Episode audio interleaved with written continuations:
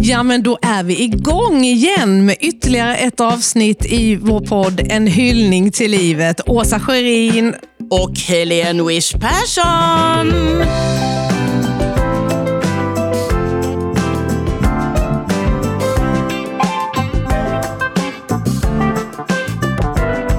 Återigen Åsa, vilken fantastisk utsikt vi har när vi sitter här på Åhus Seaside i Åhus med Östersjön som en tavla. Östersjön, alltså den bara sprider ut sig framför oss. Det är helt fantastiskt. Det är så vackert så man, man blir nästan mållös. Problemet är att det inte är rätt tillfälle för oss att bli det nu. Nej. Det har du så rätt mm.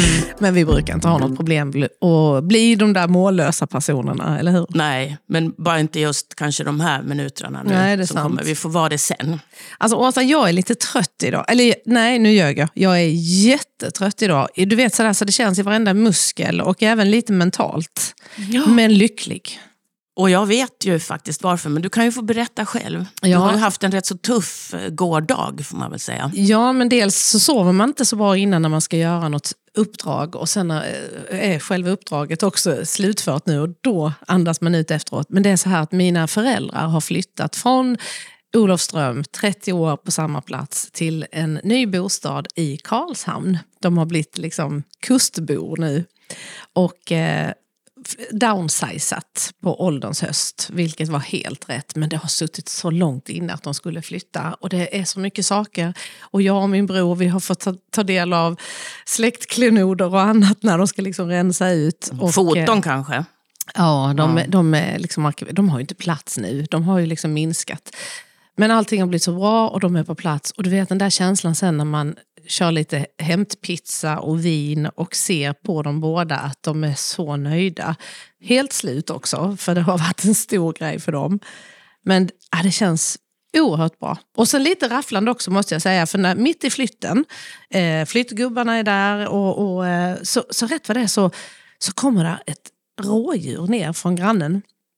Skadat. Alltså där de ska bo nu? Nej. Det gamla? Där vi flyttade liksom ifrån. Ja och blöder ymnigt, det här rådjuret. Och vi ser ju liksom hur det haltar iväg och försöker ta sig upp snabbt på, mot vägen och lägger sig på grannens tomt och, och liksom, ja, döljer sig lite vid en häck där. Men den var ju jätteskärrad och skadad.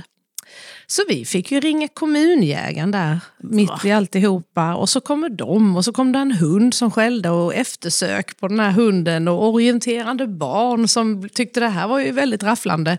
Ett rådjur som är skadat. Vad gjorde de De sköt Nej. Jo, och sen visade det sig då att det här rådjuret har blivit eh, rivet av ett lodjur. Oj. Så liksom i Blekingeskogarna finns det lodjur. Mm, man ser ju aldrig dem. Nej. Så det var ju verkligen, den hade ju inte överlevt. Den var jätteskadad. Så att någonstans är det ju rätt liksom. Och jag som måste rädda ett djur varje dag. Jag vet. Mm. Ja, det känns så det var, liksom, det var väldigt mycket som hände.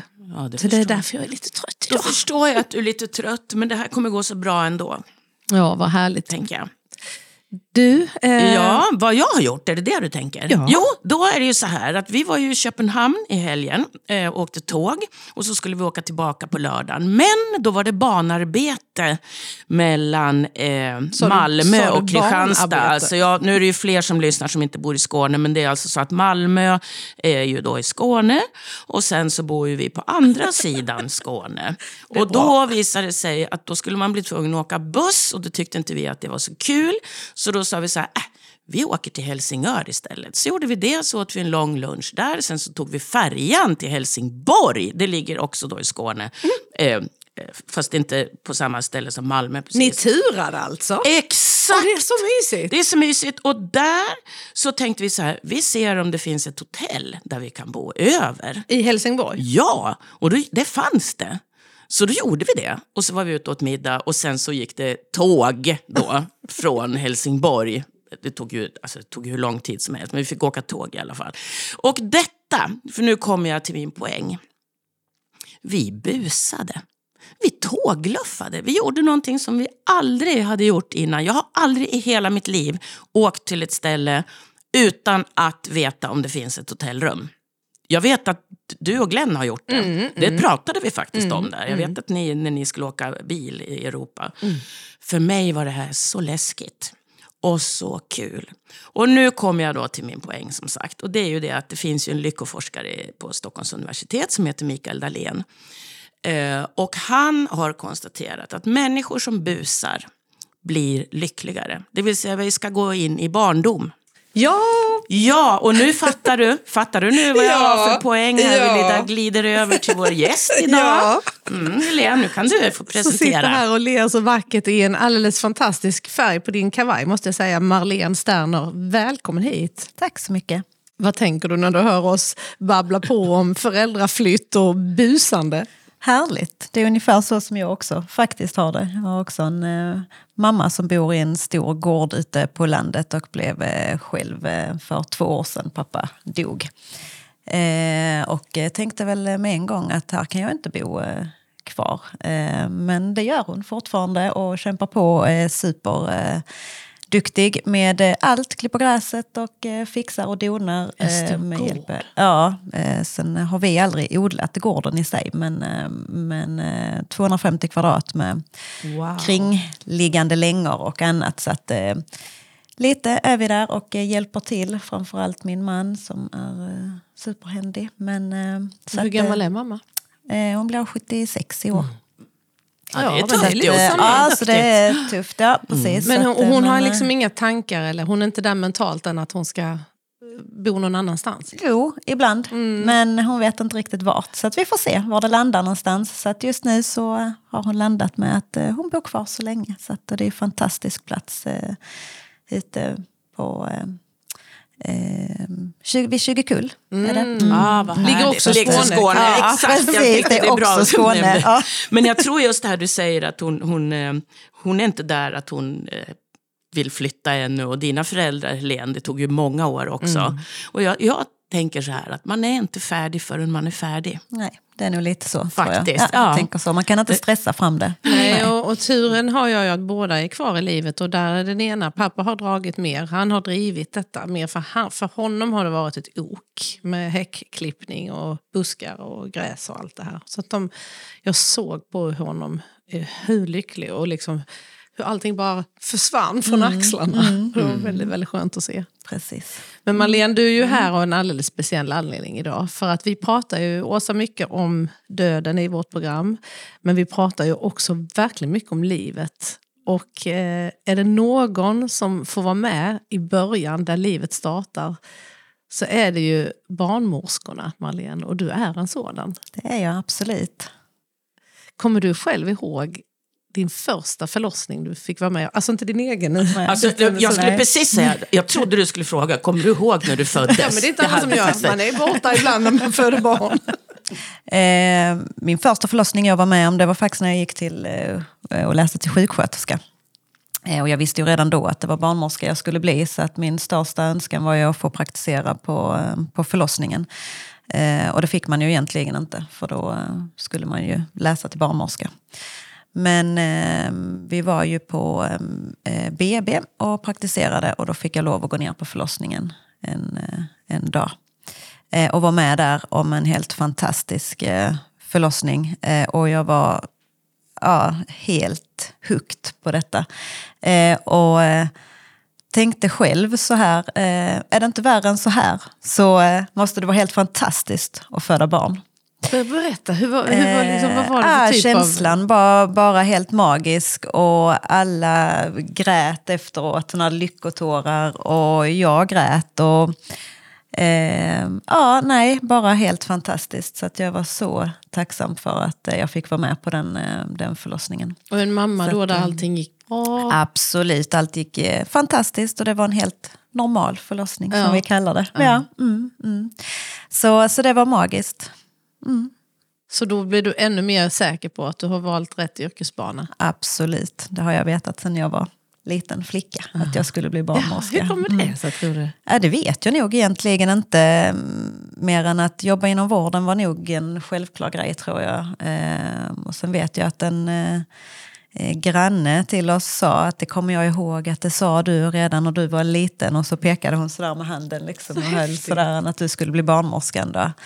Så att, eh, men eh, sen, ja, har det blivit så. Så att det har bara varit liksom vägen dit som eh, inte var sådär helt spikrak. Men, men den har eh, gjort mig mer rik på livet också och har massa erfarenhet med sig. När man har jobbat några år som sköterska på akuten och infektionskliniken innan så har man ju den biten också med sig in. Hur många barn tror du ungefär att du har varit med och förlöst?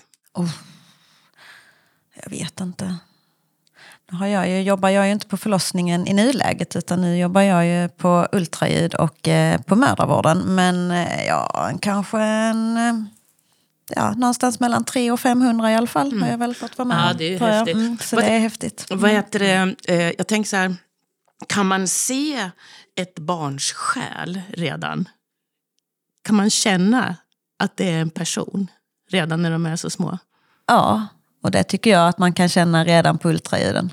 Är det sant? Ja, inne i magen. Liksom, när de ligger där inne och man tittar på dem och vad det är för typ. Liksom, är den väldigt... Eh, Eh, spallar den väldigt mycket eller eh, vill den vara med på foto eller vill den inte vara med på foto? Eh, och ligger den med fötterna över huvudet och som en liten ihoprullad köttbulle eller liksom ligger den där och visar upp sig precis som här är jag, bara se mig. Så? så? att sen om det är likadant när den kommer ut. Det vet jag ju inte, för de följer jag ju såklart inte. Men, men, ja, det hade jag gissat kan, att de är. Ja, om, du, om det är så att man kan så. känna det mm, redan mm, då och mm, se det så tror jag precis, att då precis. är du, du var ju ganska ung då när du fick vara med om den här första förlossningen. Ja, tänker jag. Ja, du hade inte själv fått några egna barn då. Nej, Hur har det påverkat dig för dina egna förlossningar? Och har du, blir man mer liksom stressad då för att man har full kunskap runt omkring. Alltså vi som är vanliga ja, precis, och inte inom precis. vården vet ju inte. Vi lägger ju bara vår ja, tillit precis. till er. Eh, när alltså jag födde mitt första barn då var jag ju inte barnmorska. Eh, och tyckte bara att det var en jätte, jättehäftig upplevelse. Jag tycker det är det mest eh, häftiga man eh, någonsin kan vara med om. Och det brukar jag säga till mina föräldrapar som jag följer också. Att det här är den absolut häftigaste grejen. Så oavsett vad för häftigt ni har upplevt så finns det ingenting som att föda barn. Eh, sen min, eh, när min flicka kom så var jag ju barnmorska. Och, eh, det var så fantastiskt tryggt att få komma till sina kollegor som eh, förlöste mig. Det kändes som att, nästan som att komma hem till mamma. Bara att liksom, bara lägga sig i händerna på dem. Och, så att, eh, nej, så jag är tacksam för det. Hur, hur har liksom... Ehm, hur har det förändrats över tid? För jag vet ju när jag, jag fick mitt första barn för 27 år sedan och sen nästa för 20 år sedan. Men redan då, för 27 år sedan, så fick jag välja, det fanns olika färger på rummen på eh, förlossningen i Kristianstad då. Och man fick ha med sig sin musik och fick liksom lite så här personifiera hur man mm. själv vill ha det. Mm. Funkar det likadant fortfarande? Eh, Finns det tid och utrymme? Ja, alltså välja färg på rummen finns inte för alla ser likadana ut eh, nu mera. Eh, men det här med att ha med sin musik och så, det brukar jag eh, peppa till och säga att man kan ha med någonting som man tycker är liksom, ja, som personifierar och, och som man tycker att man kan liksom slappna av mm. till och, och, och sådär. För det är ju det absolut viktigaste, att kunna slappna av. Och, i det här vakna tillståndet. Så att, eh, och sen så brukar jag också säga att det är ju eh, deras förlossning, det är inte vår som personal. Utan de ska vilja komma tillbaka. Så att eh, de kan ju göra väldigt mycket själva, alltså paret, föräldraparet.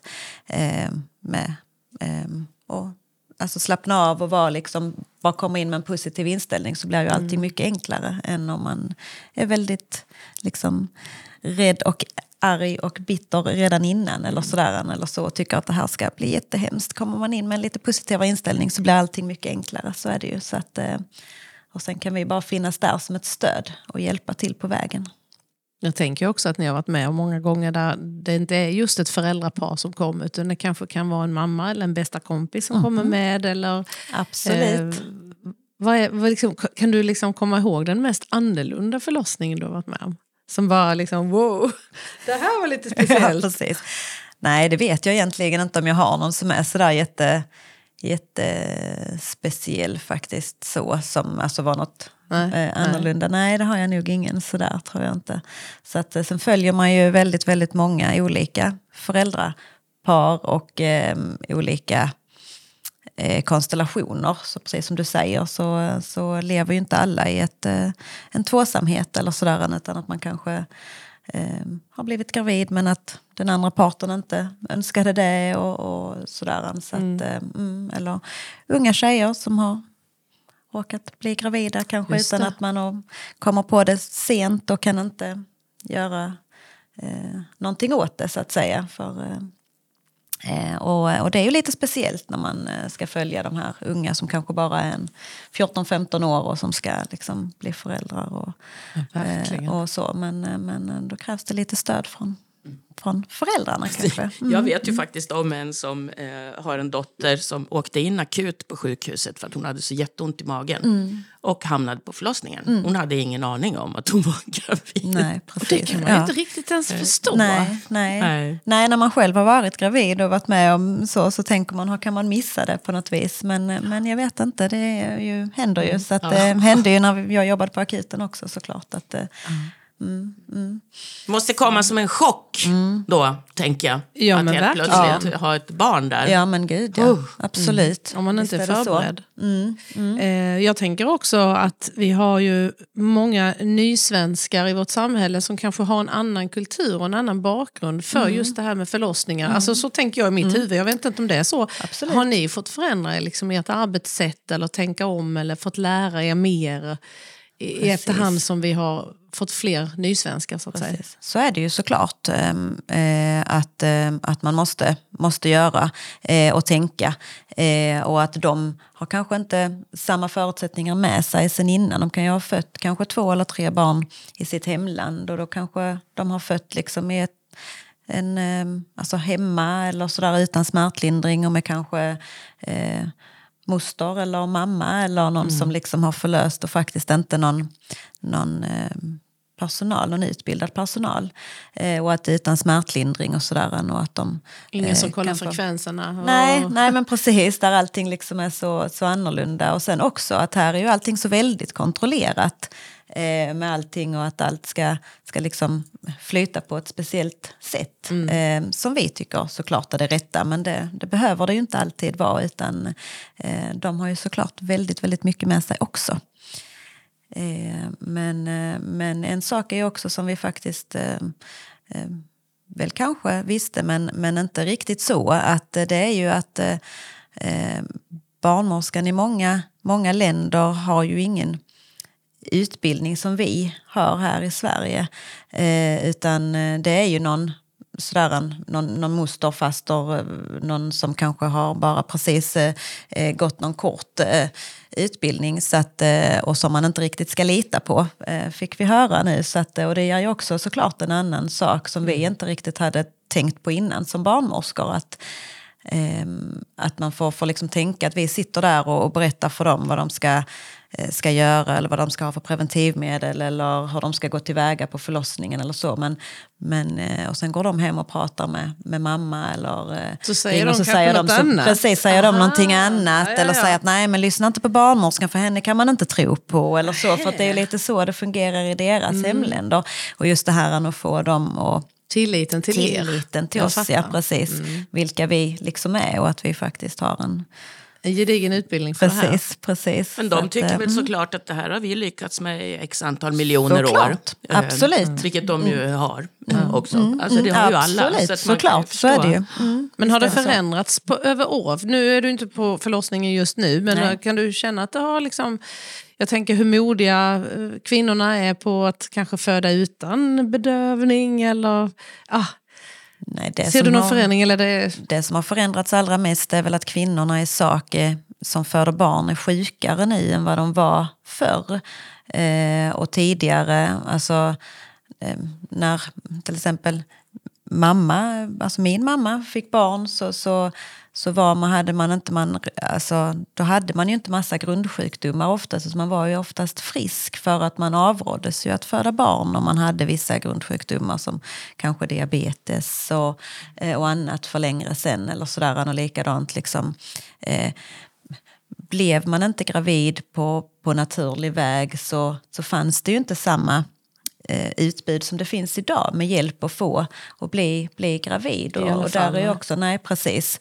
Eh, och där är ju såklart risker med att ha en, en eh, grundsjukdom och många grundsjukdomar ibland och stå på mycket mediciner och eh, sådant som vi då ska såklart ta hänsyn till. Och det är fantastiskt att man eh, kan bli gravid och, och att man eh, får lov att få den eh, lyckan i livet även om man har grundsjukdomar och är sjuk. Mm, Men mm, det mm. kräver ju också en helt annan vård av oss runt omkring som är personal, både barnmorskor, undersköterskor och läkare. Liksom att man eh, tar det i beaktande. Jag tänker också det här att få vara med precis när, när livet börjar. Mm. Det, det, är en sån häftig upplevelse, mm. gissar jag. Mm, det är helt fantastiskt. Eh, jag har som sagt varit med på många förlossningar men, men, eh, men fortfarande så, så fäller jag en tår när, när eh, eh, barnet föds och man liksom står där och ska, ska berätta att idag är det den och den datumen och eh, klockan var så här mycket och då födde ni en flicka och sådär till exempel, eller pojke. Så mm. att, nej, det, det är magiskt och den stunden eller i fler. rummet. Eller, det, eller, det kan det också eller vara. Tre. Absolut, absolut. Eller fyra. ja. har, du, har du fött fyrlingar någon gång? Nej, nej. nej eller fött det, fram? Nej, det, Aha, det är väldigt ovanligt ja, det är väldigt ovanligt och det eh, har vi ytterst sällan i, i Sverige. Och absolut inte, alltså det är ytterst sällsynt på naturlig väg och vi Mm. Eh, har ju restriktioner på hur mycket trillingar man får lov att... Trillingar, ja, trillingar är väl... Trillingar, jag har inte, jag har inte förlöst trillingar men jag har följt trillingar i magen på, ah. på mödravården. Så att, eh, och tvillingar är det ju gott om. Betydligt fler. Ja, men jag tänkte på det du sa Helene med att få följa med eller vara med när livet börjar. Men mm. det börjar ju långt innan. Absolut, det gör det. Mm. Eller hur? Mm. mm. Visst gör det det. Det är och, rätt så häftigt. Precis, mm. jag är verkligen med från, från start när de eh, ringer det där första samtalet och bokar den där tiden och kommer på det där en, eh, första besöket i vecka 6-7 någonting sånt där. En, eh, och eh, ska lägga upp hela graviditetsplaneringen. För då har man väl i regel själv upptäckt det via ett gravtest. Precis, så det, precis. det är väl kanske inte så mm. ofta som du får berätta det nej, för första gången. Det är det inte, att nej. du bara så du vet så är du gravid. Nej, precis. Nej, så ska du föda barn nu ja, just det. nej, det är inte så vanligt. Men, men just att få vara med på det där första besöket och, och, och, så. Det är häftigt. Och det är häftigt både när det är första barnet men när de väntar andra eller tredje och mm. få vara med. Du har själv två barn. Mm. Och jag har ju också två barn. Ett mm. som jag har fött vad säger man, vaginalt och mm. ett snittat barn. Ja, just det. Mm. Eh, och Åsa, du har inga barn. Det har vi nej. också pratat om innan. Ja, nej, jag vill ju inte. Alltså jag har ju fort, fortfarande har jag inte velat. Nej. nej. nej. nej. Ingen som helst. Jag vill vara barn själv. Det är liksom det. Jag tror faktiskt att det är det det handlar om. Och jag, jag, jag tycker man hör det mer och mer. Mm. Och, och, att det, jag vet inte, är det lika tabubelagt fortfarande att som kvinna liksom avstå från att nej men jag vill inte ha barn? För det var för, för alltså, 30 år sedan var det ja, ganska ja, ja. kontroversiellt. Alltså, när jag eller? började med det, eller när jag bestämde mig. Uh. Jag hade ju en enda påhejare. Alla andra var ju bara så nej, nej, nej, nej, nej, nej, nej, nej, nej, det här det är fel. Men det, min, min enda påhejare, det var min mamma. Ja. Hon sa, jag förstår precis, jag hade gjort exakt samma sak. Tack för den! Tack för den! ja, hon var gravallvarlig. ja, och väldigt krass. Ja. Ja. Nej, men där var det ju väninnorna på den tiden. De var, eller jag kommer ihåg speciellt en, Bettan. Hon hade ju barn Säger hon med eftertryck. Exakt, det var Bettan. Hon hade ju eh, sin eh, son som jag faktiskt är gudmor till. Men i alla fall, då skrek hon till mig när jag sa det. Nej, men nu har jag bestämt mig för, hon var några år äldre än jag. Nu har jag bestämt mig för att eh, nej, det här med barn, det är inte för mig. Och hon var, hon var så uppbragt över detta, därför att de kunde inte resa längre och så, vilket ju vi kunde. Så hon var så arg och så skrek. Och det, ja, ja, ja, det, men jag, jag, tror att det har gått över nu. Det får vi hoppas. Men nu får du ju följa kvinnorna hela vägen. Alltså, Mm. Du är på ultraljud och mödravård. Eh, Men jag tänker, har du också varit på, på den andra sidan där man själv är nu? Och liksom, du vet, prata klimakterie och Ja. prata hormoner och du vet när äggstockarna de börjar bli trötta. Och, jag menar, Precis. På mödravården så följer vi ju kvinnor i hela livet från de, är, de här första kanske 14, 15, 16, även om de oftast går på ungdomsmottagningen fram till de är 23. Men sen hela livet liksom och fram till, precis som det du pratar om nu då med klimakteriet och eh, äldre, med, med de eh, bekymmerna och besvären som kan vara kring det. Så att, eh, och absolut. ordet acceptans. Mm, just det, precis. Vadå men, eh, acceptans? Men sen ska vi inte acceptera och tiga och lida. Det är väl typiskt kvinnofälla. Nej, jag vet. Utan det finns ju faktiskt massa, massa. Träning. Skit, skittråkigt att få veta, få veta det när man inte gillar att träna.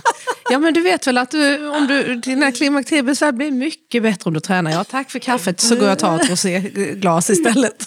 nej det gör jag inte. Men, ja, nej men jag fattar vad du menar. Acceptans men eh, kanske också lite att vara lite realistisk. Så här är det ju. Vi blir ju äldre och vi blir Absolut. ju rynkigare och det händer saker i våra kroppar. Precis. Alternativet hade ju varit betydligt värre. Eller Ja. Om vi inte hade fått lov att bli äldre.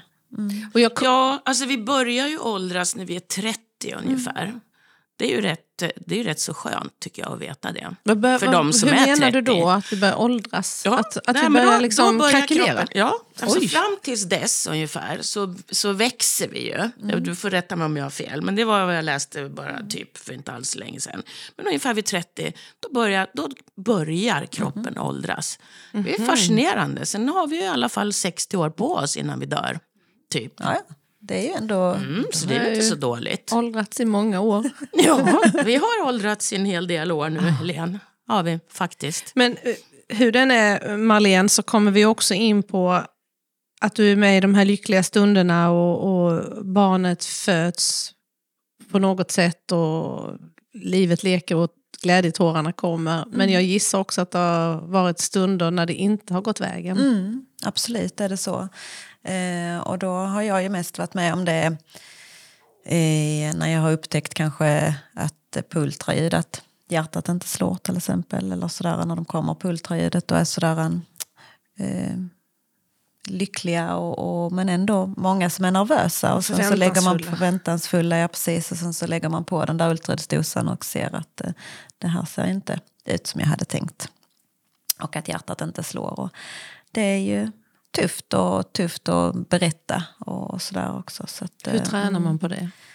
Att nej, framföra det ja, beskedet? alltså det är jättesvårt och, och det kan man nog inte träna på egentligen. Utan man får bara försöka att ha empati och förståelse och känna det är ju så när man har har tagit den där en graviditetsstickan och får plus eller två streck så, så är lyckan total och man har eh, liksom planerat Hjärnan livet går framför sig. Hjärnan går igång och man tänker liksom om, om det är det liksom man har, har eh, drömt om att få, få bli förälder så, så är det ju så. Och sen så kommer man där så det spelar nog ingen roll egentligen om det är i vecka tidigt eller om det är liksom lite senare. Men, men eh, det är klart att det är, det är tufft att, eh, att framföra det. Och det är ju alltid vi som, som eh, barnmorskor som sitter med den där dosan först om de inte av någon annan anledning givetvis är hos en doktor. Men, annars är Men också så. alla par som går på IVF-behandlingar Mm, och verkligen precis.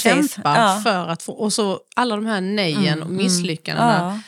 på Det är vägen. ju jättetufft mm, att orka upprätthålla den där, eh, liksom, att man orkar jobba för det. Ja, Liksom. Mm, påfrestande för en relation, Ja, ja det är det. Mm, mycket.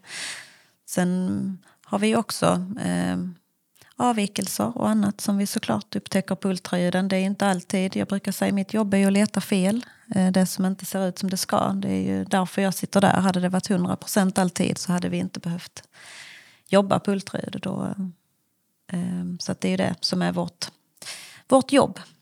Sen Vad kan du se där?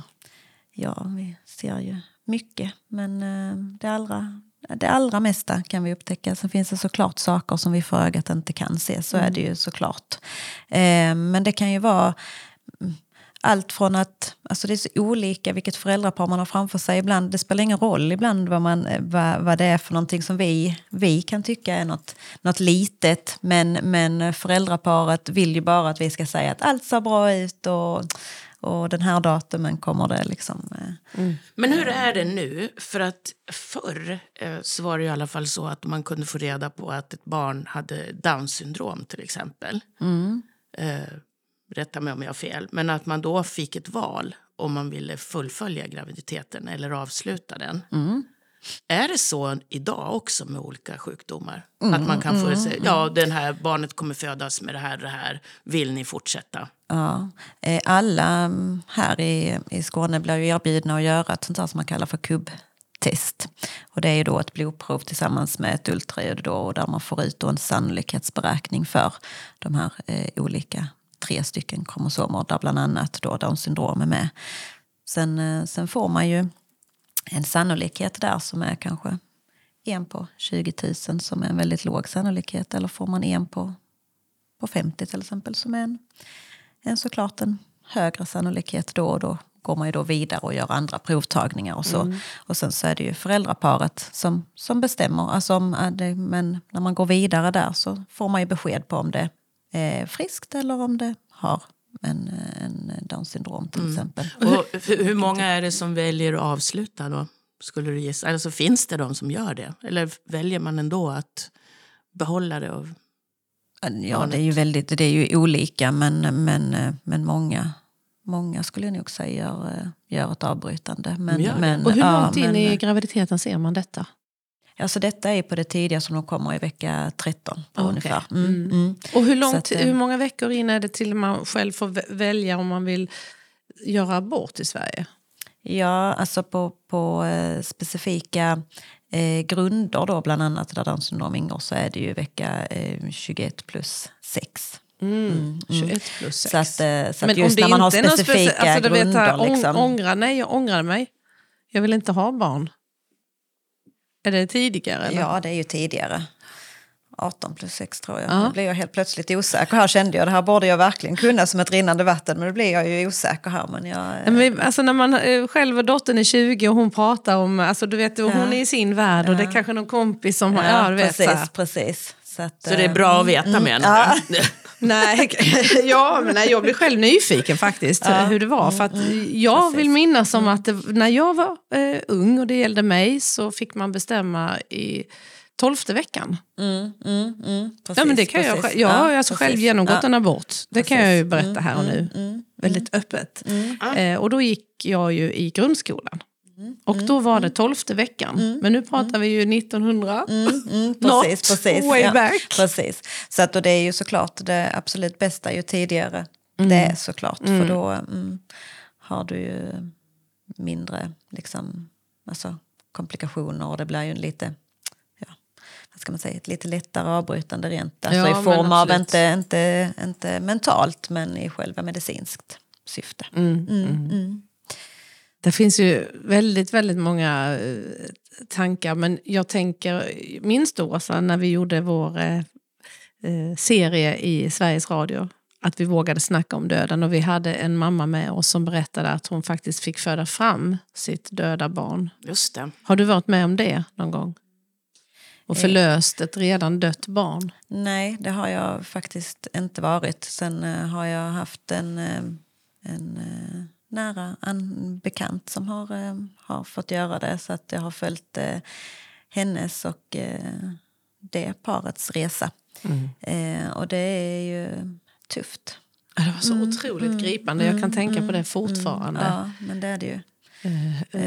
Och att det får, alltså man, barnet är ju så stort och det är ju så färdigt. och eh, Hon berättade att det var till och med rosor på kinden Just när Precis. barnet kom Ja, ut, eller flickan precis. kom ut. Det var, ja, det var otro- otroligt gripande. Ja, och det är ju hemskt när man drabbas av den där, när man lägger på den där dosan. Det kan ju vara på mödravården till exempel. Om man, de kommer på en rutinkontroll och man lägger på den där dosan och så är det inga, hittar Och så man inga ljud. Liksom, och så, ja, det kan det ju vara. Mm, mm.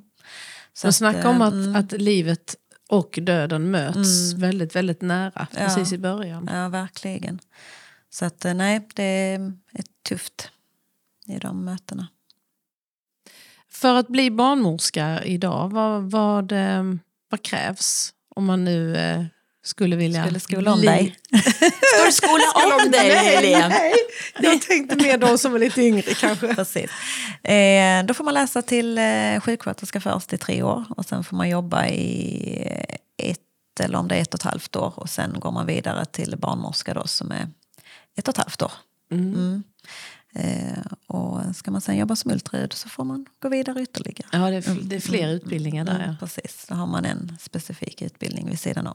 Så att, eh, mm. Och har man också möjlighet att, eh, för så var det på, på min tid, kommer jag ihåg, att nej, men, var, känn dig helt fri. Att trivs du inte med din barnmorska så får du byta. Mm. Då bara säger du, nej men vi klickade inte, jag vill ha en annan. Funkar det så fortfarande? Ja, absolut. Hur känns det då, om någon skulle dissa dig? Nej, det är nog Det ingen kanske som har aldrig har gjort. Det har jag. aldrig hänt. Nej, jag Nej, jag skojar bara.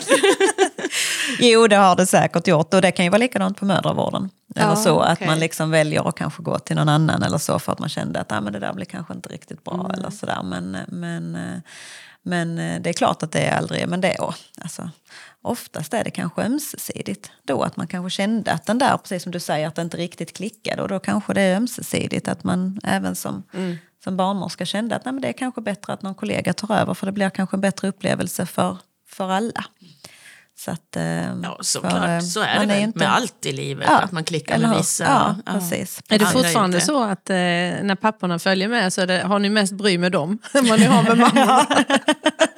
För Ja. de svimmar och Ja, de, de precis. behöver Ja, precis. Jag mer brukar, omhändertagande än mamman. brukar säga till att eh, de behöver ha med, sig, eh, ha med sig mat och energi in. De kan inte leva på eh, kaffe och luft och kärlek. Det funkar inte så, även om de tror det många gånger. Så, att, eh, så att, visst har det hänt. Jag hade en pappa som låg på golvet och ringde på klockan och med fötterna högt och sa att hon har ont, hon har ont, ja ja. Och så låg han på golvet och andades. Men, det är fortfarande så, alltså. Absolut, absolut. Ja, det, det är inte klokt. Nej, det är härligt. Mm. Jag kommer ihåg att jag eh, första förlossningen så höll jag på att dra, dra sönder min mans hår. För jag bara Just det, drog ja, i, nackhåren. Han liksom bara flög bakåt. Ja, det, det är ju otroliga krafter som vi, vi kvinnor har. Det är så häftigt att se. Det, Blir du ändå inte lite sugen Åsa? Nej, fy fasiken. Ursäkta att jag säger nej. Åh, nej, jag är liksom, det är så långt ifrån. Men nu kan det ju bero på att jag var eh, hos en sån här eh, människa som eh, pratade om tidigare liv för mig för många år sedan när jag jobbade på ett bokförlag och så hade vi en författare. Jag kommer inte ihåg, regression tror jag det heter det där. Vad är det? Man går in, ja men det är jättespännande. Fick man hålla en sten med handen och sen så berättar den här kvinnan om alla tidigare liv jag hade haft. Jag hade bland annat varit kung i någon afrikansk stam. Det ser jag framför mig faktiskt. Mm, exakt. Och så hade jag dessutom varit hora i Tokyo. Och det var där, förstår ni, det blev så oerhört många barn. Så att, att den här tanten sa, hon lutade huvudet på sned och sa, nej, du kommer inte vilja ha fler. Och det, nej, sa jag, det var, ja, ni skrattar ni. Ja, det var- Det, var ju väl, det som inte var så roligt det var att jag berättade det här för min brorson som gick i högstadiet då. Han berättade ju för alla att hans faster hade varit hora i Tokyo. Så det var jättekul när man skulle gå på hans skolavslutningar och sånt. Och de bara, Har, har du varit i Tokyo som ja, vuxen? ja. Det är inte Men- någon som har kommit fram. Tjena! Vi är släkt. Nej, jag kände inte igen någon plats. Jag vet inte. Men det var, ja, ja, där har ni förklaringen i alla fall. Ja, ja, ja. Ja. Dramatisk, Mm, ja. men sann. Hur ofta tänker man på, på döden, Marlene, om vi nu ska lämna horeriet i Tokyo? Eh, alltså som, som barnmorska som bara jobbar med livet och begynnelsen och liksom får det här. Jag förstår också att det är ett jobb för dig många gånger, men i själva ögonblicket blir det ju väldigt wow. När, när väl barnet kommer ut. Absolut. Men hur ofta tänker du själv på, på slutet? För du är ju inte lastgammal, du är yngre än vad jag och Åsa är. Liksom, hur ofta tänker man på döden? Eh, alltså för egen eh, del så gör jag ju nog inte det. Sen kom det ju nära mig för, för två år sedan då när min, eh, när min pappa eh, dog. Eh, som var väldigt, väldigt tufft. Även om pappa har varit sjuk i många, många år. Och vi är så tacksamma att vi fick ha han eh, med oss så länge. Och jag är så tacksam att mina barn fick, fick liksom chansen att lära känna honom och kan, kan minnas honom. För det har alltid varit en sån där en, liten, nästan liten skräck för mig att, eh, att mina barn inte ska hinna med och ha ett minne av, eh, av liksom morfar. Då. morfar då. Mm. Han var sjuk länge? Så att, eh, ja, alltså till och från. Men mm. alltså inte sjuk så att han har liksom legat inlagd och varit dålig på det viset. Men han har opererats och gått på mycket mediciner och mm. det har varit in och ut lite sådär. Så att, men, men för två år sedan då i april så var det slutet. Så att, men, men han eh, har haft ett jätte, jättegott liv och, och han och mamma tillsammans. Så att, men det kom väldigt nära mig då och eh, eh, någonting som såklart har, eh, har varit tufft de här åren. Mm. Hur påverkar den? Du har ju gått igenom detta Åsa, jag har båda mina kvar. Mm. Och det är också lite med skräckblandad förtjusning, som man, eller skräckblandad, eh, mer skräck egentligen, hur det kommer mm. att bli. Precis. Eh, den dagen när det är ett faktum. Mm. Hur går man vidare? Mm. Liksom? Ja, alltså... Det är ju svårt att säga, det är ju såklart olika för alla. Men, men jag tänker att vi har så väldigt, väldigt många fina minnen. Vi är en väldigt fin, eller ja, fin familj får man lov att säga så. Men, mm. alltså, nej, men vi har en tajt familj, så kanske man ska säga. Men jag har två eh, äldre bröder och, och mamma och pappa har levt ihop hela livet. Och, eh, och sådär, och vi bor här omkring Eh, alla så att man har stöd i, i varandra och, och, det har varit en väldig trygghet. Och, eh, och jag och min man har ju varit ett par sedan tidernas begynnelse tänkte jag sagt. Jag var inte mer än 16 när vi träffades så att han har ju varit med hela vägen. Liksom, och, och ehm, hade ju också en väldigt stark relation till, till eh, min pappa. Då, så att, men, men det är klart att, att det är, är tufft men, men man får som sagt alla positiva minnen mm. får man tänka på. Och tänka på att man har dem och vara glad över att man har alla de positiva minnena och blicka tillbaka på. Så det är där och tänka man hämtar styrkan? Ja, faktiskt mm. är det så. Mm, mm. mm. Ja, jag kan ju bara instämma. Det är ju så. Och mm. sen att tänka på att, eh, som i mitt fall, så hade ju mina föräldrar ett jättebra liv. Och det är ju bättre än så kan det ju inte summeras, tänker jag. Vi ska mm. ju alla den vägen vandra. Så är det. Mm. Mm. Så är det. Mm. Ja, Marlene, du eh, har ju en liten eh, tickande klocka här nu med tanke på att du har snart en patient. Så är det. Mm, mm. För då ska du tillbaka till eh, mödravården. Nej, ultraljud idag ultraljud faktiskt. Idag. Ja. Mm, så att jag jobbar där ikväll nu faktiskt och ska titta på lite bebisar inne i magen. Så att eh, det är spännande. Och, Om det är någon som vill visa sig. Ja, men ja, precis. får, får vi tänka, hoppas. Du får precis. tänka lite på det precis. nu med ja. hur de är. För det mm. tycker jag var så spännande. Ja, det, att liksom tänka ja. att de har en personlighet precis, redan. Precis. Jag tror på det. Ja, det gör jag också. Mm. Så stort tack för att du ville komma hit och gästa vår podd. Tack själva. Ja, och tack. Åsa, vi, eh, vi eh, syns ju snart igen. Ja, det gör vi. kommer alltid att synas snart igen. Det gör vi. Tack för idag. Tack.